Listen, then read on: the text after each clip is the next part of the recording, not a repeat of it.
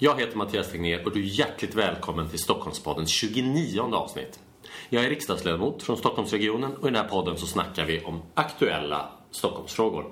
Idag ska jag samtala med Khashayar Farmanbar som kandiderar till kommunstyrelsens ordförande i Nacka. Han är uppväxt i Norrbotten men boende i kommunen, alltså Nacka, sedan 2007.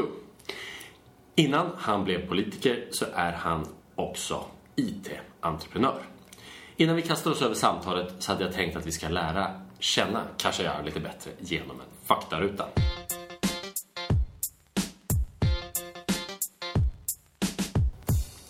Namn, Khashayar Karl Farmanberg.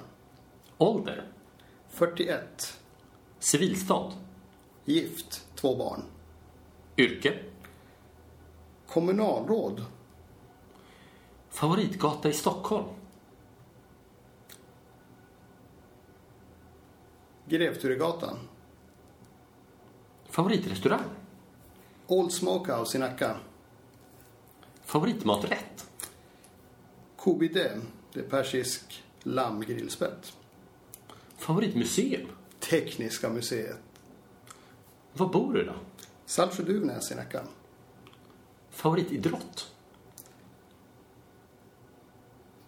Titta på hockey, utöva handboll. Vad gör du aktivt för miljön? Jag har ett projekt med att byta ut allting så att det blir plastfritt hemma. Det går lite sådär, men steg för steg så håller jag på att göra hemmet till ett plastfritt hem. Politisk tillhörighet? Jag är socialdemokrat. Nämn en politiker som du tycker lyssnar. Mikael Damberg, näringsministern. Tack!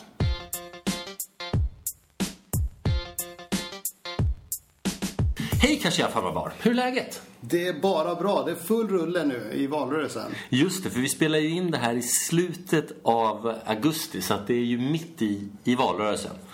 Kul att du ville vara med i Stockholmspodden. Jag hade tänkt att vi idag ska prata lite om digitalisering som jag vet är en av dina favoritämnen. Eh, vi ska prata om Nacka, där du är oppositionsråd. Och sen prata om eh, dig. Mina favoritämnen. Ja, perfekt. Men vi börjar med det viktigaste. Vilket är ditt favorit Stockholmslag? Hammarby, fotboll. Mm.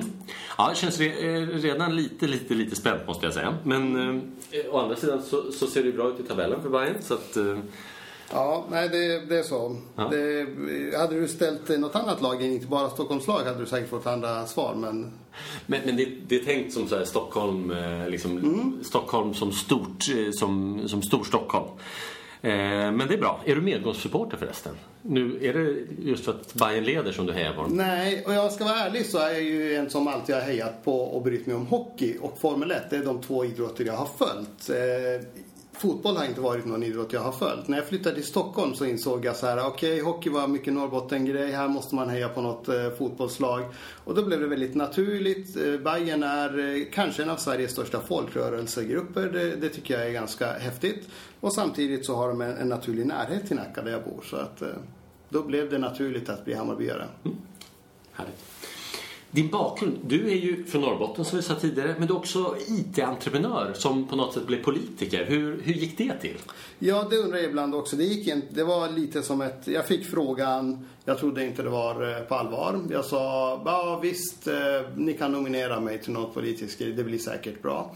Eh, och jag var VD för mitt bolag, drev projekt för att, eller producerade produkter för tredimensionell visualisering av stadsplaner bland annat. Det började i dataspel men, men så småningom blev det demokratisering av stadsbyggnadsplaner egentligen. Eh, och eh, så småningom så, så ringde valberedningen och, och ställde frågan väldigt skarpt. Och då var jag lite ställd eh, och gick och funderade. Och då tänkte jag att ett av de mission impossible som jag har klarat av i mitt liv det var att starta ett företag i studentkorridoren, få det att växa, börja sälja på en världsmarknad, se till att företaget har blivit någorlunda stabilt. Eh, och det var en resa och den företaget finns ju kvar och fortsätter en, en fantastisk resa framåt. Men då kände jag nästa mission impossible som jag ska ta tag i det är att se till att Nacka blir socialdemokratiskt. Och det kändes som en, som en eh, adekvat utmaning. Ja, men det, det låter som en utmaning. Vi ska komma tillbaka lite mer till, till, till Nacka senare. Men Hur tycker du att det funkar att hoppa mellan näringsliv och, och politik? Jag tycker det är fantastiskt intressant att ha sett båda sidorna. Eh, en av de sakerna som man har i näringslivet, jag gick från en situation där jag kunde sitta med vår produktchef, peka på skärmen och säga att här behöver vi ha en ny produkt eller en ny knapp i den här produkten. Eh, några månader senare kunde våra premium partners testa den nya funktionen och sen så var den, var, rullades den ut ett tag senare. Eh, och vi hade väldigt nära kontakt med ett antal av våra, våra kunder då. Eh, så att leveranstiderna var väldigt korta och väldigt rappa och väldigt snabba. Och så i politiken också? I politiken är det ju lite tvärtom. Här skriver jag en motion och så tar det kanske ett år och sen så blir den avslagen eftersom jag är i opposition och ett år senare så tar Moderaterna och kopierar den och lägger under något annat namn och så småningom blir det verklighet då. Men det jag har fått respekt för det är eh, byråkrati-Sverige. För att när vi fattar ett beslut om, säg avfallstaxan, för att fler människor ska källsortera. Eh, så kan vi ju justera lite grann i den här avfallstaxan. Men vi vet ju egentligen, vi kanske har en uppfattning om åt vilket håll det här kommer att bära. Det kanske innebär att fler kommer att, att, att, sortera ut sin matavfall eller inte. Men vi vet ju inte. Vi vet inte heller vilka brytgränser det finns för vilka familjer det här kommer att bli väldigt dyrt och vilka det blir billigare för. Så att det finns, våra beslut påverkar väldigt många människor kan påverka dem på ett väldigt genomgripande sätt. Och då finns det en ganska stor poäng att ha utrett allting. Så att just utrednings-Sverige har jag fått en enorm respekt för. Och tidigare var jag mer av den här kalibern, ja men det är bara att göra det här, hur svårt kan det vara? Och i näringslivet kan man kosta på sig det ibland. Mm. Eh, en missnöjd kund kan, man, kan få lite rabatt och sen så har man löst det där till nästa gång. Det funkar inte riktigt så om man ska vara en seriös aktör som faktiskt driver en kommun eller stat eller någonting. Mm. Eh, sen är jag ju väldigt, väldigt intresserad av politik. Både nationell, regional och kommunal politik. Jag tycker det är någonting fantastiskt med hur vi styr vårt samhälle. Eh, och just möjligheten att alla har möjlighet att vara med och påverka. Mm. Jag tycker just det du pratar om, byråkrati-Sverige har faktiskt slagit mig som riksdagsledamot också.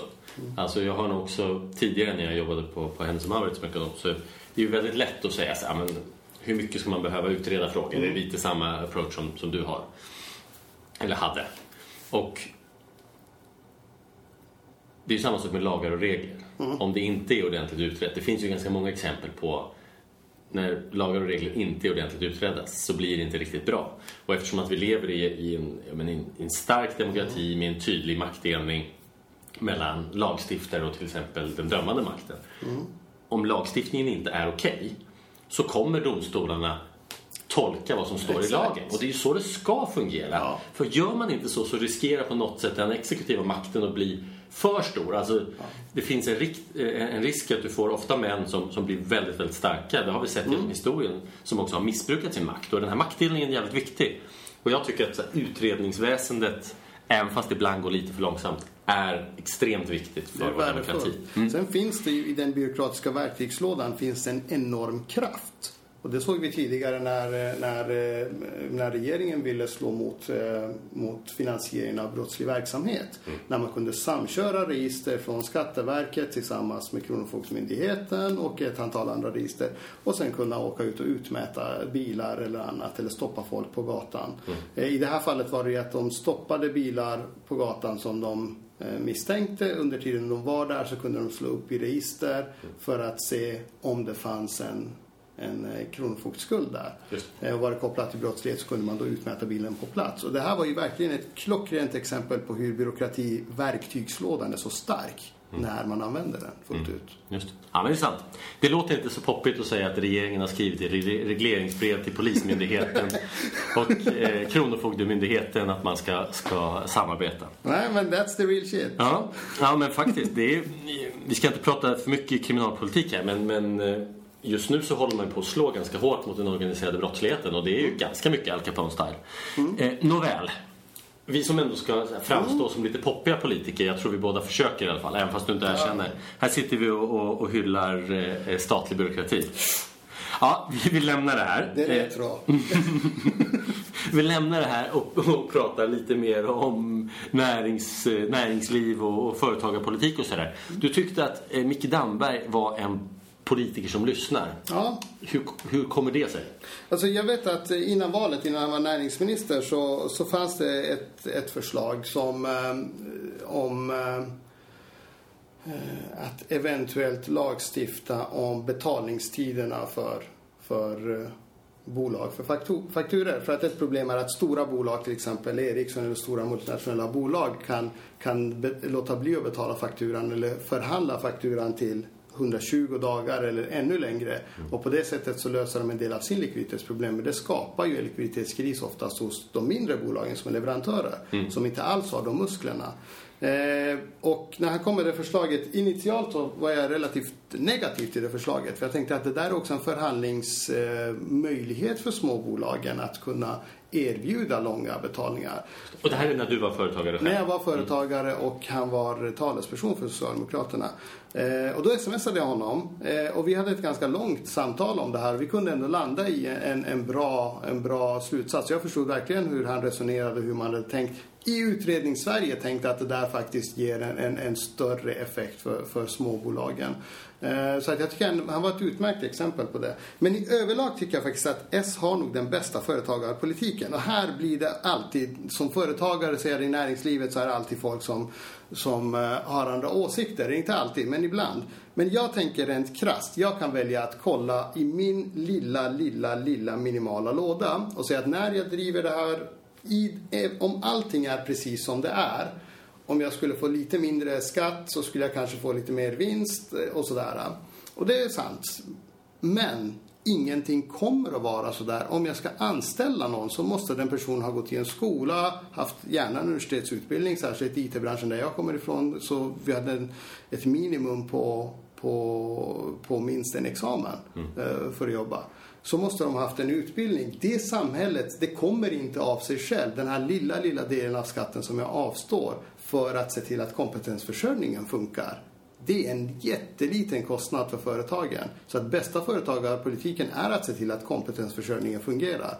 Eh, nästa steg är också våra möjligheter att eh, att eh, vägar och transporter, att faktiskt kunna transportera våra varor. Tillgången till, till internet och connectivity som där vi är ett av de bästa länderna i världen när det gäller just tillgången till internet. Och det kommer sig av två, om vi går tillbaka, så är det två enskilda beslut.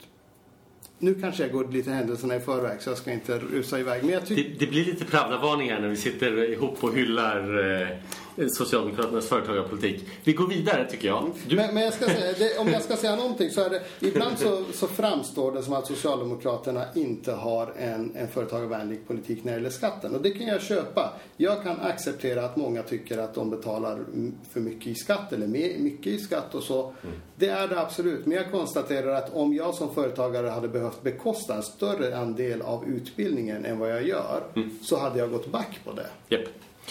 Vi går vidare. Du snackar mycket om digitalisering. Mm. Vad betyder det? För mig så har digitaliseringen egentligen tre tydliga ingångar. Det ena är den utveckling som vi ser kring artificiell intelligens, alltså hur ett datorbaserat medvetande eller tänkande eller beslutsstödssystem kan fat börja fatta beslut. Eh, den andra delen det är automatisering och robotisering. Det vill säga att vi har apparater som kan göra tunga lyft eller finnas i farliga miljöer där det inte är lämpligt för människor att vara. Och den eh, tredje delen är sensorer och informationsinhämtning. Där vi ser att vi, att vi har massor med ökad sensordata som inhämtas.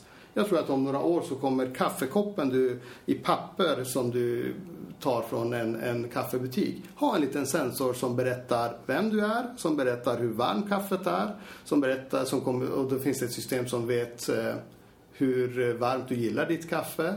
Eh, så att när du går förbi nästa butik så får de en ping att springa ut och fylla på din kaffekopp eller byta ut den mot en liten varmare och samtidigt ge dig ett erbjudande. Vill du inte köpa till en liten kaka eller en frukt när du ändå är här? Eh, det är bara ett exempel på Ja. Om vi ändå ska hålla på eh, och ha chip i, i eh, pappersmuggarna, tror inte vi skulle kunna ha något mer miljövänligt än just pappersmuggar? Absolut, det kommer säkert att vara, det kommer absolut att kunna vara majsbaserade nedbrytningsbara muggar. Ja, det låter det bra. Det låter men, bra. Men, men digitaliseringen på det sättet är liksom en, en förändring och egentligen är det det är lätt att säga vad digitalisering inte är. Mm. Digitalisering är inte IT. Digitalisering är inte programvara eller hårdvara per se. Utan digitalisering är ett sätt som vi anordnar samhället. Just. AI, robotisering eller automatisering och, och sensorer. Ja.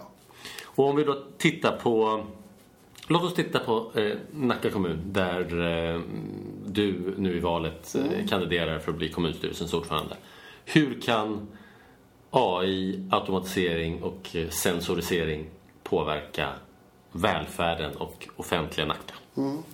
Jag ska börja säga att digitaliseringen är ju en lika stor revolution som industrialismen var en gång i tiden. Dens effekt på samhället lika stor som när skrivspråket en gång i tiden uppfanns. Är du politiker? För nu svarar inte du på frågan. Ja, men jag kommer till frågan.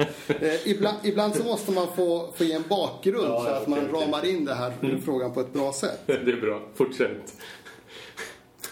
Eh, egentligen så svarar jag faktiskt på för, förra frågan om man ska vara ärlig. Okej, hur påverkar det här Nacka då? Om man kollar på digitaliseringen så är det ju en stor revolution, lika stor som indus- industrialismen var. Eller lika, med lika stor effekt som när eh, skrivspråket uppfanns. Och det innebär att hela näringslivet men också den offentliga förvaltningen kommer att kunna förbättras och förändras. Hur det förändras, det styr vi politiker. För Nackas del kan det innebära att massor med beslut kommer att kunna fattas snabbare. Vi kommer att kunna bli betydligt snabbare och bättre gentemot våra, våra medborgare, kunna erbjuda en bättre service.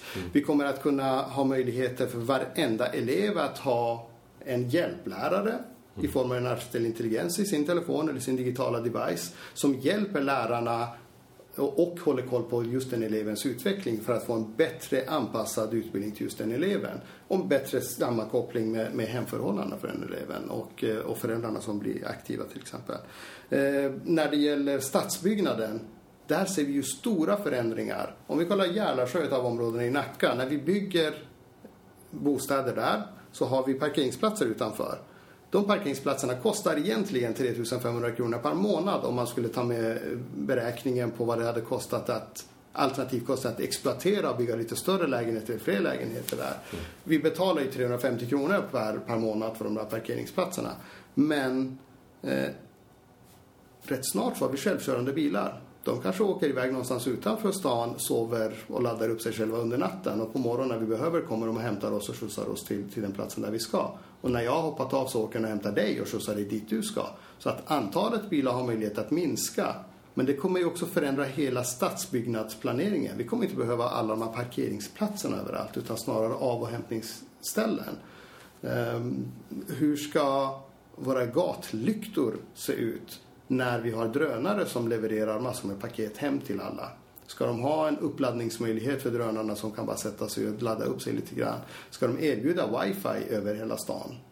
Så att varenda stolpe har en wifi. Så att hela stadsbyggnadsplaneringen och hela skolsystemet eh, är ju de två, två av de stora paketen som kommer att kunna kraftigt revolutioneras och förändras med, med hjälp av artificiell intelligens. Men naturligtvis också vanligt beslutsfattande. Får jag ställa en fråga? Visst var det någon kommun i södra Sverige som hade automatiserat beslutsfattandet när det gäller socialbidrag tror jag? Ja. Som var ganska... Det var omdiskuterat tror jag. Ja, Hur tänker du kring det? Jag tänker, jag ska först, jag vill inte... Jag tycker att det där är ett ganska intressant eh, tillvägagångssätt. Just den lösningen är ju, om man, jag berättar så att alla förstår vad lösningen är.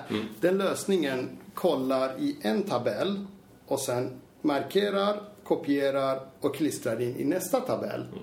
Eh, och det gjorde handläggarna för hand tidigare. Nu trycker de på en knapp och sen kopieras tio värden parallellt så här på en gång.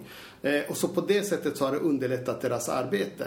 Men egentligen så är den inte, det är en, en överförsäljning av vad den produkten är och säga att den, den fattar egna beslut. För det gör den inte. Utan den är en, en klickautomatisering egentligen, det, det, det verktyget.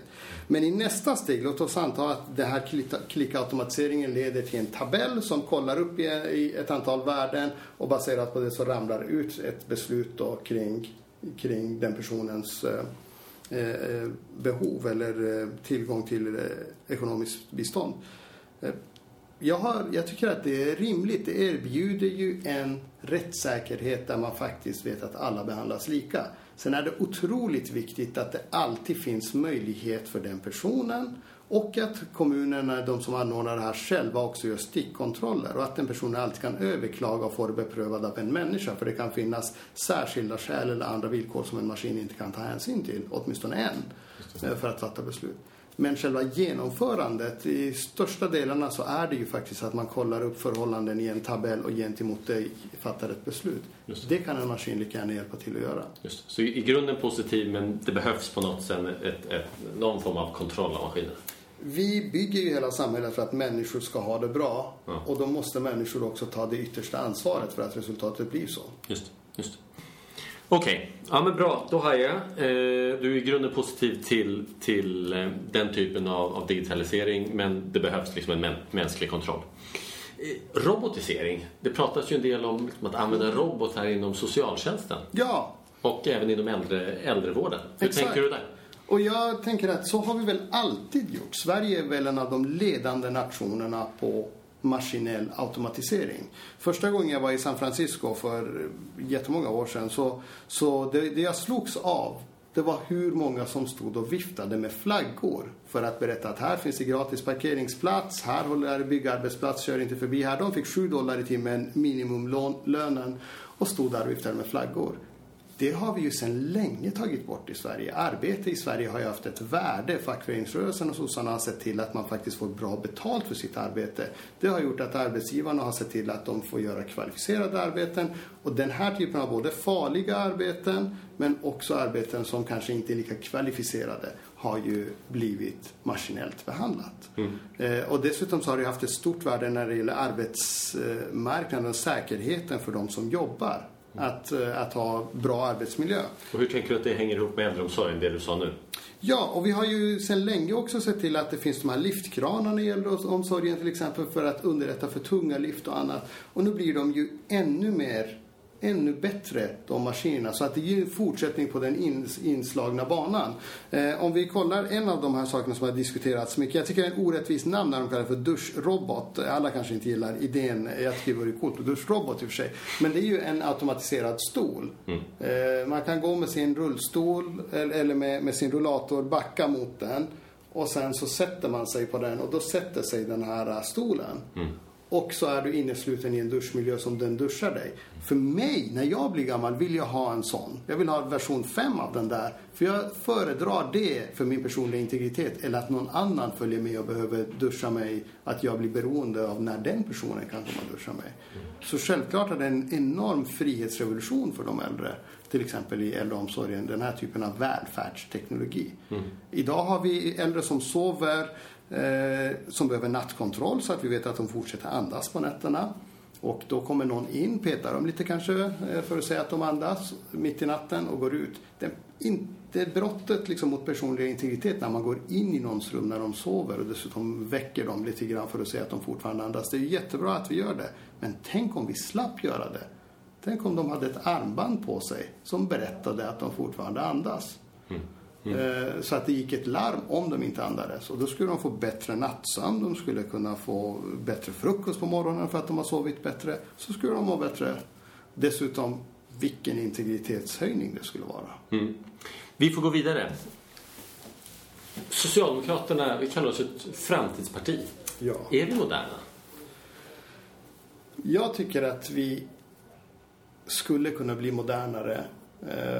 Vi är moderna, det tycker jag. Jämf jag ska säga så här. Vi är moderna jämfört med alla andra partier som idag finns i Sveriges riksdag. Absolut, vi är nog det modernaste partiet. Men om man inte behöver mäta sig med en massa andra som inte är särskilt imponerande och moderna utan sikta på hur modern vi kan bli, då har vi en lång väg att gå. Jag nämnde tidigare att eh, industrialismen, när den kom, så förändrade samhället. Och då fanns socialdemokratin och fackföreningsrörelsen där och såg till att människor fick frihet i sitt arbete. De behövde inte vara livegna i, sin, i de bolagen. De fick livskvalitet genom att man fick eh, semesterlagar så att de kunde gå på semester, begränsad arbetstid så att vi hade åtta timmars arbetsdag. Eh, och ett utbildningsväsende som såg till att alla kunde plugga alla som, oavsett vilken familjeförhållande de har kunde eh, plugga och, och nå framgång. Så just att svenska samhället blev så framgångsrikt med sån hög livskvalitet och sån hög grad av frihet för varje människa. Det var ju sossarna som genomförde som en effekt av industrialismen. Vi skapade ett nytt samhälle. Nu går vi in i nästa era, digitaliseringseran. Och där behöver vi vara mycket mer på tårna. Vad händer den dagen arbetsgivaren säger att jag vill se hela din genetiska historia och medicinska bakgrund för att du ska få ett arbete? Det blir fullt möjligt tack vare digitaliseringen. Med ett klick kan jag få hela den informationen. Men ska en anställning på arbetsmarknaden vara beroende av min genetiska historia? Det är ett politiskt beslut och det måste vi vara på bollen. Mm. Vad händer den dagen försäkringsbolaget säger att vi kommer inte att kunna försäkra dig baserat på din genetiska historia eller medicinska historia och försöka plocka ut russinen ur kakan ur försäkringskollektivet? Mm. Det är en politisk fråga och de frågorna är vi inte på bollen tycker jag. Just. Så det finns ett antal liksom, frågor som är framtidsfrågor där vi inte mm. är på bollen eller du tycker vi är bättre än andra. Om man liksom ser oss som en som en folkrörelse, det låter ju inte jättemodernt men jag tycker att, att mm. jag, jag, jag, som kommer från idrottsrörelsen tycker ändå att folkrörelse är någonting, någonting vackert. Hur, det går ju att liksom kommunicera med varandra på, på internet och Facebook men, men är det på något sätt det kan ju inte vara definitionen av liksom en, en modern folkrörelse tänker jag. Nej, en modell folkrörelse bygger egentligen på att skapa engagemang och ge inflytande. Mm. Det kan vara via Facebook, men det kan lika gärna vara via fysiska möten eller på något annat sätt, något VR-system som jag inte ens vet om när det kommer att komma, om det kommer att komma. Så att jag tror Vad betyder VR? På, eh, virtual reality, okay. ett virtuellt verklighet. Så att eh, jag tycker att definitionen av folk, modern folkrörelse, det är att varenda individ som är med ska ha möjlighet att faktiskt vara med och påverka och föra ett samtal. Också få inflytande och börja ta ansvar. Det någonstans skapar den moderna folkrörelsen. Eh, där kan digitalisering eller IT-lösning, inte digitalisering snarare, utan IT-lösningar som Facebook eller något annat vara en del av det. Men de kan lika gärna stjälpa det. Mm. Så att det är, jag tycker att de är inte avhängiga av varandra. Men jag tycker att eh, en modern folkrörelse, det ska vi absolut vara. Mm. Tack Kashia Fammanbar. Det var allt för första delen av Stockholmsbladens 29 avsnitt. I del två så ska vi fortsätta och prata med dig lite om uppväxten i Norrland men framförallt om, om Nacka idag. Men innan vi gör det så ska vi först lära känna Kasia Fammanbar lite bättre genom en pausruta.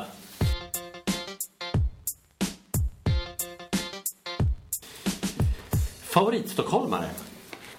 Mats Sundin, Sudden. Favoritbar? Oj. Det måste vara Hard Rock Café Stoppbar i San Diego.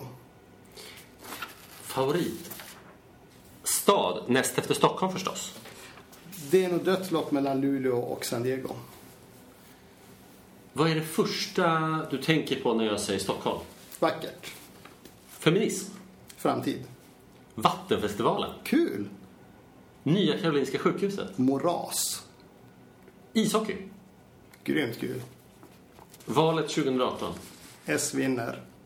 Vinter-OS i Stockholm 2026? Ja! Tack!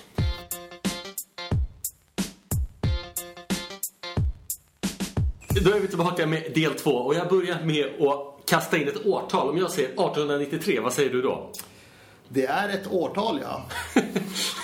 jag som ändå tyckte att jag var, var ganska snäll. Eh, 1893, alltså det året som Saltsjöbanan eh, invigdes. Som, mm. Det går väl... Ja, det stämmer. Och den byggdes på två år, mellan 91 och 93. Alltså 1891 okay. och 93. Ja, det är mer, det, det är mer mm. än vad jag vet. Jag har googlat, så att jag, jag ska inte ta, ta gift på det här. Men jag tyckte ändå att jag var snäll för att alternativet var att säga 1551. Och det tänkte jag var ännu svårare. Ja, den verkar vara svår. Längre bort i alla fall. och jag tror att det var så att det var då eh, Danviks sjukhus invigdes eller något sånt. Och det ligger väl... Det ligger i Nacka. I Nacka, ja. Det gör det. Ja, mm, ja vi, vi, vi går vidare. Ja, vi går vidare. Vi vänder blad. vi vänder blad.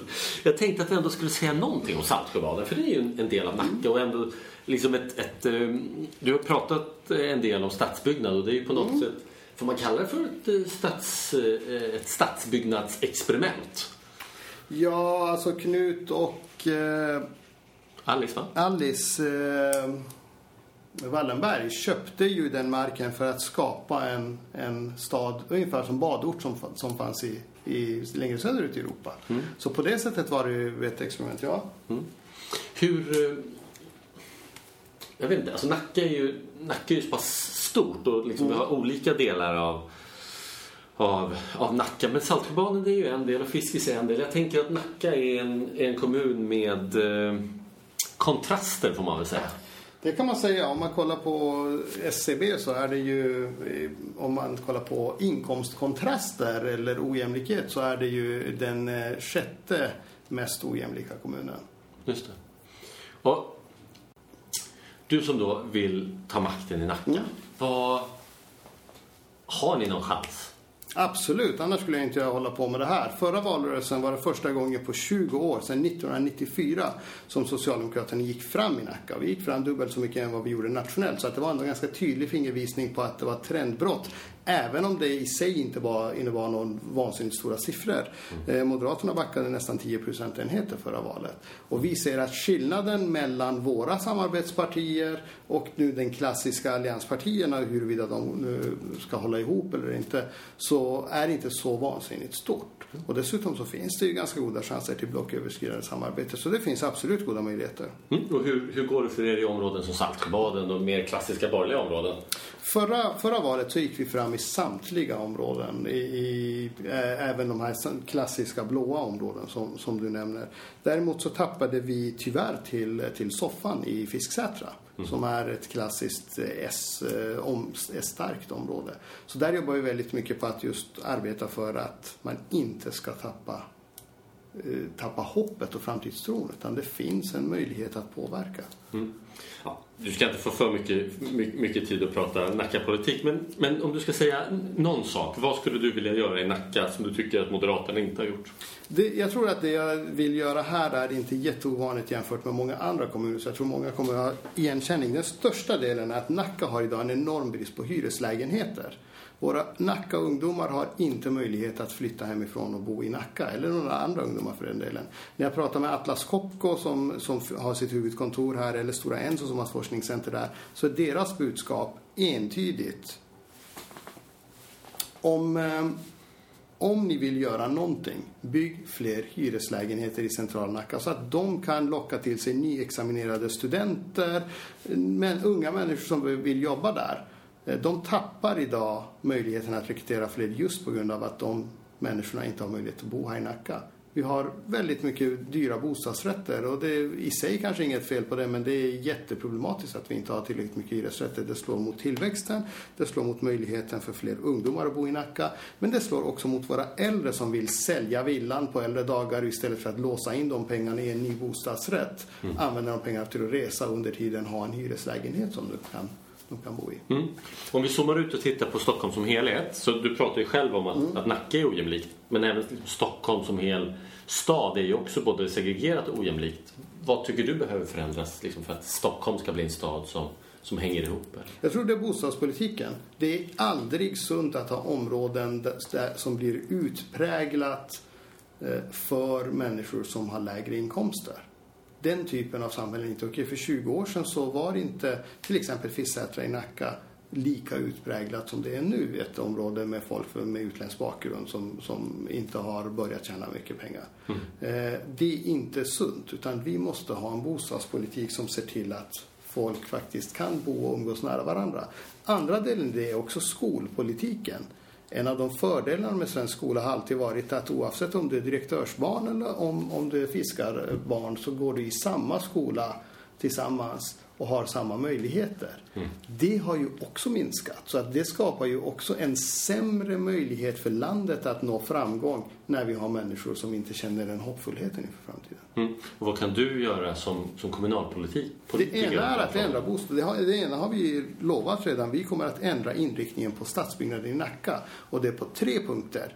Ett, fler hyreslägenheter som folk har råd att bo i, i, i också attraktiva områden. Två, mer grönområden i närheten av där man bor. Och tre, mer idrotts och kulturutrymmen. Tydliga svar. Vi går vidare. Vad tror du att du gör om tio år? Ingen aning. Jag brukar skämta att jag ska slå Erik Langby som var förra moderata kommunstyrelseordförande här i Nacka. Han var kommunstyrelseordförande i 31 år. Jag brukar skämta att jag ska slå hans rekord och vara här i minst 32 år. Men vi får se. Jag har ingen aning vad jag gör om 10 år. Någonting roligt, det är jag övertygad om. Så du kanske hänger i kommunhuset? Eller heter det stadshus här? Är ni en kommun eller stad? Vi är, vi är tekniskt sett en kommun som ska bygga en stad i en del av kommunen. Så att eh, det som tidigare var Nacka stad ska väl bli stad igen. Men sen har vi två andra kommundelar då som, som då inte kommer. Tre är faktiskt, vi har Älta också som en kommundel som inte kommer bli stad som det är tänkt. Just Jag är Tyresöbo. Jag tycker att Älta borde, borde vara en del av Tyresö. Det är inte aktuellt. Jag tror inte det är aktuellt, men... ähm, ja. Nej, jag tror inte att Älta borde eh, vill det heller. Jag har försökt introducera den idén, men den, den flyger inte. Good luck with that one. Mm. Hur tror du att Stockholm ser ut om 20 år? Jag tror Stockholm har blivit eh, större. Vi kommer att ha betydligt bättre kollektivtrafik. En av de sakerna som vi verkligen behöver det är kollektivtrafikslinjer som går som en ring runt. Vi har just nu en kollektivtrafiksituation som ser ut som en stjärna. Alla åker in mot mitten, om det är Slussen eller T-centralen för att sen åka ut igen. Eh, vi behöver betydligt fler tvärförbindelser som en, en, kollektivtrafiksringled. Men naturligtvis också för, för eh, bilar och sådär med, med östlig förbindelse som diskuteras. Eh, och eh, sen tror jag att det kommer att finnas betydligt fler jag är otroligt optimistisk om framtiden. Jag har en enorm framtidstro. Så jag tror att vi kommer att se jättemånga hippa, coola bolag som finns här. Vi kommer att vara världens mest digitaliserade eh, stad eller stadsregion, Stockholmsregionen med självkörande bilar, eh, uppladdningsbara gator som laddar upp bilarna när man kör på dem. Eh, och eh, enorm, eh, kanske, kanske bland de första storregionerna i världen med leverans av paket med drönare. Vi får se. Låter jättespännande. Tack så mycket för att du var med i Stockholmspoddens 29 avsnitt. Khashayar Farmanbar, oppositionsråd i Nacka. Tack för att du fick vara med.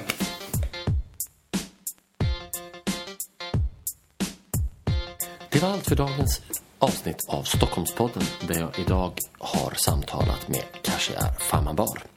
Och i det 29 avsnittet har vi alltså diskuterat dels om Socialdemokraterna kommer ha möjligheten att bryta det decennielånga maktinnehavet i Nacka kommun som Moderaterna har haft. Pratade också om digitalisering inom ramen för eh, välfärden. Den som lever får se hur stadsbyggnadsprocesserna kommer förändras i framtiden. Om det kommer vara vanligt med eh, bud som levereras med drönare. Och hur det går med självkörande bilar och parkeringsplatser.